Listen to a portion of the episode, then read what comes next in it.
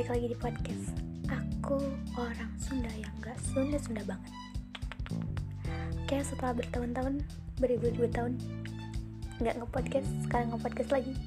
Balik lagi dengan segmen baru tentunya. Hmm, Yang fresh from the open okay. uh, Jadi tahun 2021 ini Aku mau mulai sebuah podcast lagi dengan tema yang berbeda. Mungkin tahun-tahun kemarin aku pakai tema dengan Sunda dan meskipun masih ya sedikit tapi mungkin itu masih tetap ada di podcastnya aku. Tapi sekarang dengan yang baru yaitu bacotan dari coretan. Harus ini tuh berawal dari apa ya jadi aku tuh kalau mengalami sebuah peristiwa atau sebuah kejadian ataupun kejadian orang lain yang diceritakan ke aku. Jadi kayak curhatan gitu itu suka kayak oh ini jadi ter terlintas sebuah kata-kata yang emang harus ditulis gitu. Dan itu banyak banyak banget gitu. Di, di ada di buku ada di mana pun ada di handphone ada di laptop itu ditulis. Jadi untuk yang mungkin sekarang uh, aku mau coba untuk belajar ngebaca dari coretan. Ini tuh sebuah cerita dari temen yang tentunya. Teman lama sih. Teman lama yang mungkin baru lagi hadir. Aduh hadir. Oke tapi nggak sekarang sih. Nanti ya tunggu selanjutnya. Jangan lupa share ke teman-teman. Oke bacaan dari coretan podcastnya orang Sunda yang gak Sunda-Sunda banget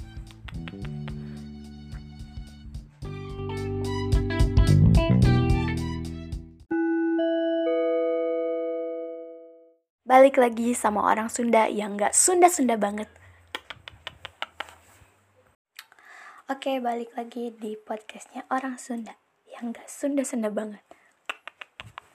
Oke kembali lagi hmm, sesuai yang minggu kemarin. Aku akan ngebahas tentang cerita. Kalau yang sekarang tuh cerita yang aku coret itu di coretan aku ada di sebuah note itu cerita dari teman aku.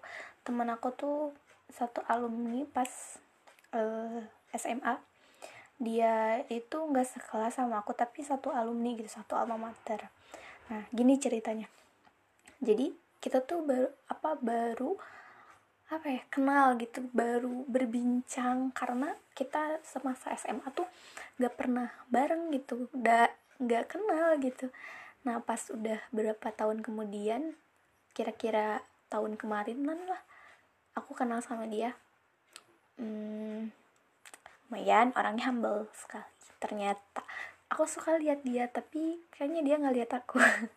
Nah, terus dia tuh satu ketika dia cerita sama aku tiba-tiba dia tuh bilang apa ya bahwa kehidupan di umur 20 itu memang umur kita sudah 20 lebih ya katanya lebih mengerikan gitu. Bukan lebih mengerikan ya lebih ke segalanya itu harus harus apa ya dipersiapkan gitu dari mulai uh, dari mulai awal sih. Jadi harus emang matang banget gitu dalam segi pendidikan dalam segi skill.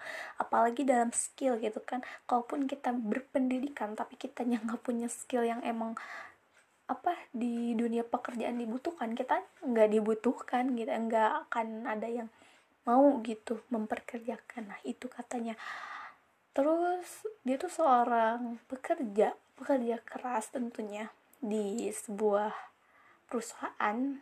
Ya di bagian mungkin kayak operasional lagi bagian operasional yang di yang di publik kayak gitu dia bilang kehidupan sehari-harinya itu sangatlah apa ya ya enggak yang enggak apa sih enggak seperti orang pada umumnya gitu orang umur 20-an dia bilang dengan kehidupannya yang ah, serba harus sendiri. Apalagi dia itu dari awal bukan dari awal dari dia SMP nggak tahu SD gitu dari kecil pokoknya dia tuh nggak pernah uh, bareng sama apa ya jadi latar belakang keluarganya memang dia tuh lagi uh, kalau boleh diceritain ya nggak sama orang tua aslinya gitu. Jadi sama Uwa kalau nggak salah eh, bukan Uwa ya apa ya namanya tuh. Ya pokoknya saudaranya gitu tinggalnya dari dia waktu kecil. Nah jadi dia tuh LDRan gitu sama keluarganya. Keluarganya di luar kota dia di luar kota gitu. Jadi beda kota nah gitu. Jadi uh, memang apa ya mungkin dari kecilnya dia tuh sudah diajarkan apa ya diajarkan mandiri gitu. Jadi sampai sekarang pun dia mandiri sekali. Jadi kerasanya tuh sekarang gitu. Dia bilang uh, dari dulu aku hmm, apa ya segala macamnya tuh gak kayak seperti orang-orang pada umumnya gitu anak-anak pada umumnya sama keluarganya atau gini-gini. Tapi aku tuh ya mungkin ini juga pelajaran untukku katanya gitu. Jadi bisa menjadi acuan bahwa kecilnya dia gimana gitu. Pendidikannya meskipun dia nggak sama orang tuanya gimana ternyata bisa terbawa juga sampai ke sekarang. Meskipun dia banyak keluhannya sih. Dia selalu cerita bahwa mengeluh tentang ya pekerjaannya ya relasinya dan tentunya relationship atau hubungannya. Ush. Dan suatu ketika eh, yang paling menegangkan tuh dia pernah bilang bahwa dia tuh suka sama aku. Uh, dari sana. Aku kira ini tuh tapi aku menyangka dia tuh ngomong seperti itu. Kayak ini kayaknya dia bohong deh gitu kayak main-main deh gitu. Tapi lama kelamaan dia sering bilang kayak gitu gitu. Um, tapi ah, pikiran aku tuh nggak yakin gitu bahwa ini bener gak sih gitu. Tapi kayaknya emang eng, enggak sih hmm. kayaknya udahlah temenan aja. Terus seiring berjalannya waktu kayak ngobrol ngobrol ngobrol tapi ngobrolnya via telepon. Ternyata dia bilang ah sudahlah. Kalau misalkan emang mau ya sok. Kalaupun enggak ya sudah nggak apa-apa. Dari situ. Oh ternyata memang kayak kehidupan itu kehidupannya dia tuh mengajarkan ke aku loh bahwa ya sudahlah nggak usah mengharapkan apa ya sesuatu dari orang yang emang nggak akan nggak ingin gitu memulai sesuatu yang baru. Ya sudah gitu. Kalau misalkan eh, nggak uh, nggak ada respon sama sekali ya udah jalannya aja gitu gitu. Pesannya sih dalam banget cuman ya orang itu kadang nakal kadang ngeselin kadang kayak gitu. Aku bilang dia tuh kayak nggak serius tapi padahal dia bilang serius tapi menurut aku nggak. Ya adalah mungkin segitu aja yang dapat aku sampaikan tentang cerita kisahnya seorang teman yang seorang pekerja di dengan usia segitu ah, kehidupan. Mungkin aku bisa bilang itu kehidupan masa 20 tahunan.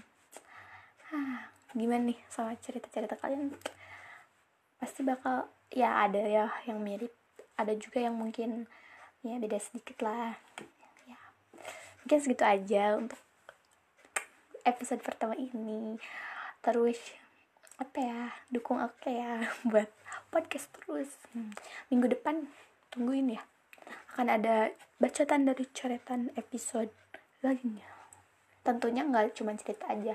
Aku juga mau akan cerita bukan cuma cerita gitu. Jadi tapi dari sebuah quotes atau sebuah puisi juga bisa. Nanti tungguin aja. Oke.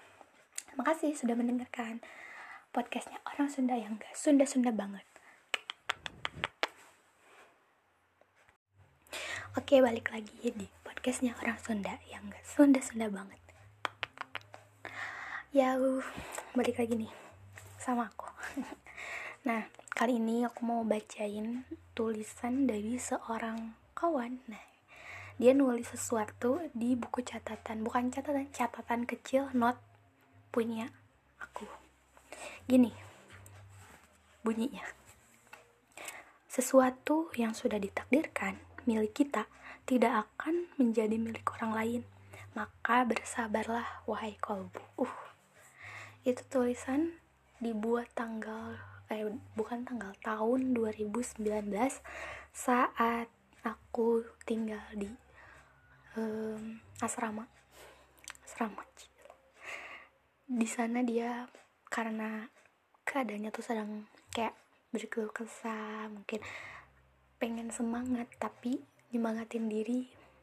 Nah itulah yang dia tulis. Jadi dia bilang sesuatu yang sudah ditakdirkan milik kita tuh nggak bakal jadi milik orang lain dan sebaliknya juga. Jadi intinya kita positif aja karena semuanya sudah ditakdirkan. Asik. Mungkin dia juga bilang kalau pada saat itu dia itu sedang menghadapi suatu hal yang memang ya kadang hal itu bisa buat kita ini benar gak sih buat kita? Atau enggak gitu.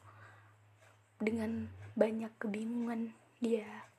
Jadi dan mungkin kalau misalkan diceritakan ke orang lain pun itu tidak ya mungkin ada saran tapi hanya sedikit. Dan mungkin lebih baik untuk dituliskan saja menurut dia. Jadi dia menulis lah di buku di buku not aku tanpa sepengetahuan. Tiba-tiba oh ini ada tulisan yang gede banget emang gede banget. Pokoknya intinya untuk kita pelajarannya bahwa sesuatu itu pasti sudah ditakdirkan. Untuk kita ya berarti ya sudah itu pasti akan untuk kita gitu. Nggak bakalan ketukar sama orang lain. Meskipun mungkin di prosesnya itu apa yang ditakdirkan untuk kita itu sedang bersama orang lain dulu baru nanti di akhir bersama kita. Mungkin seperti itu. Oke terima kasih. Hmm. untuk podcast kali ini. Hmm. uh, terima kasih. Selamat mendengarkan. Tolong dong share ya. Makasih assalamualaikum warahmatullahi wabarakatuh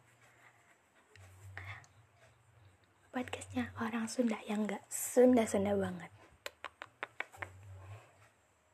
Terima kasih sudah mendengarkan podcastnya orang Sunda yang gak Sunda-Sunda banget.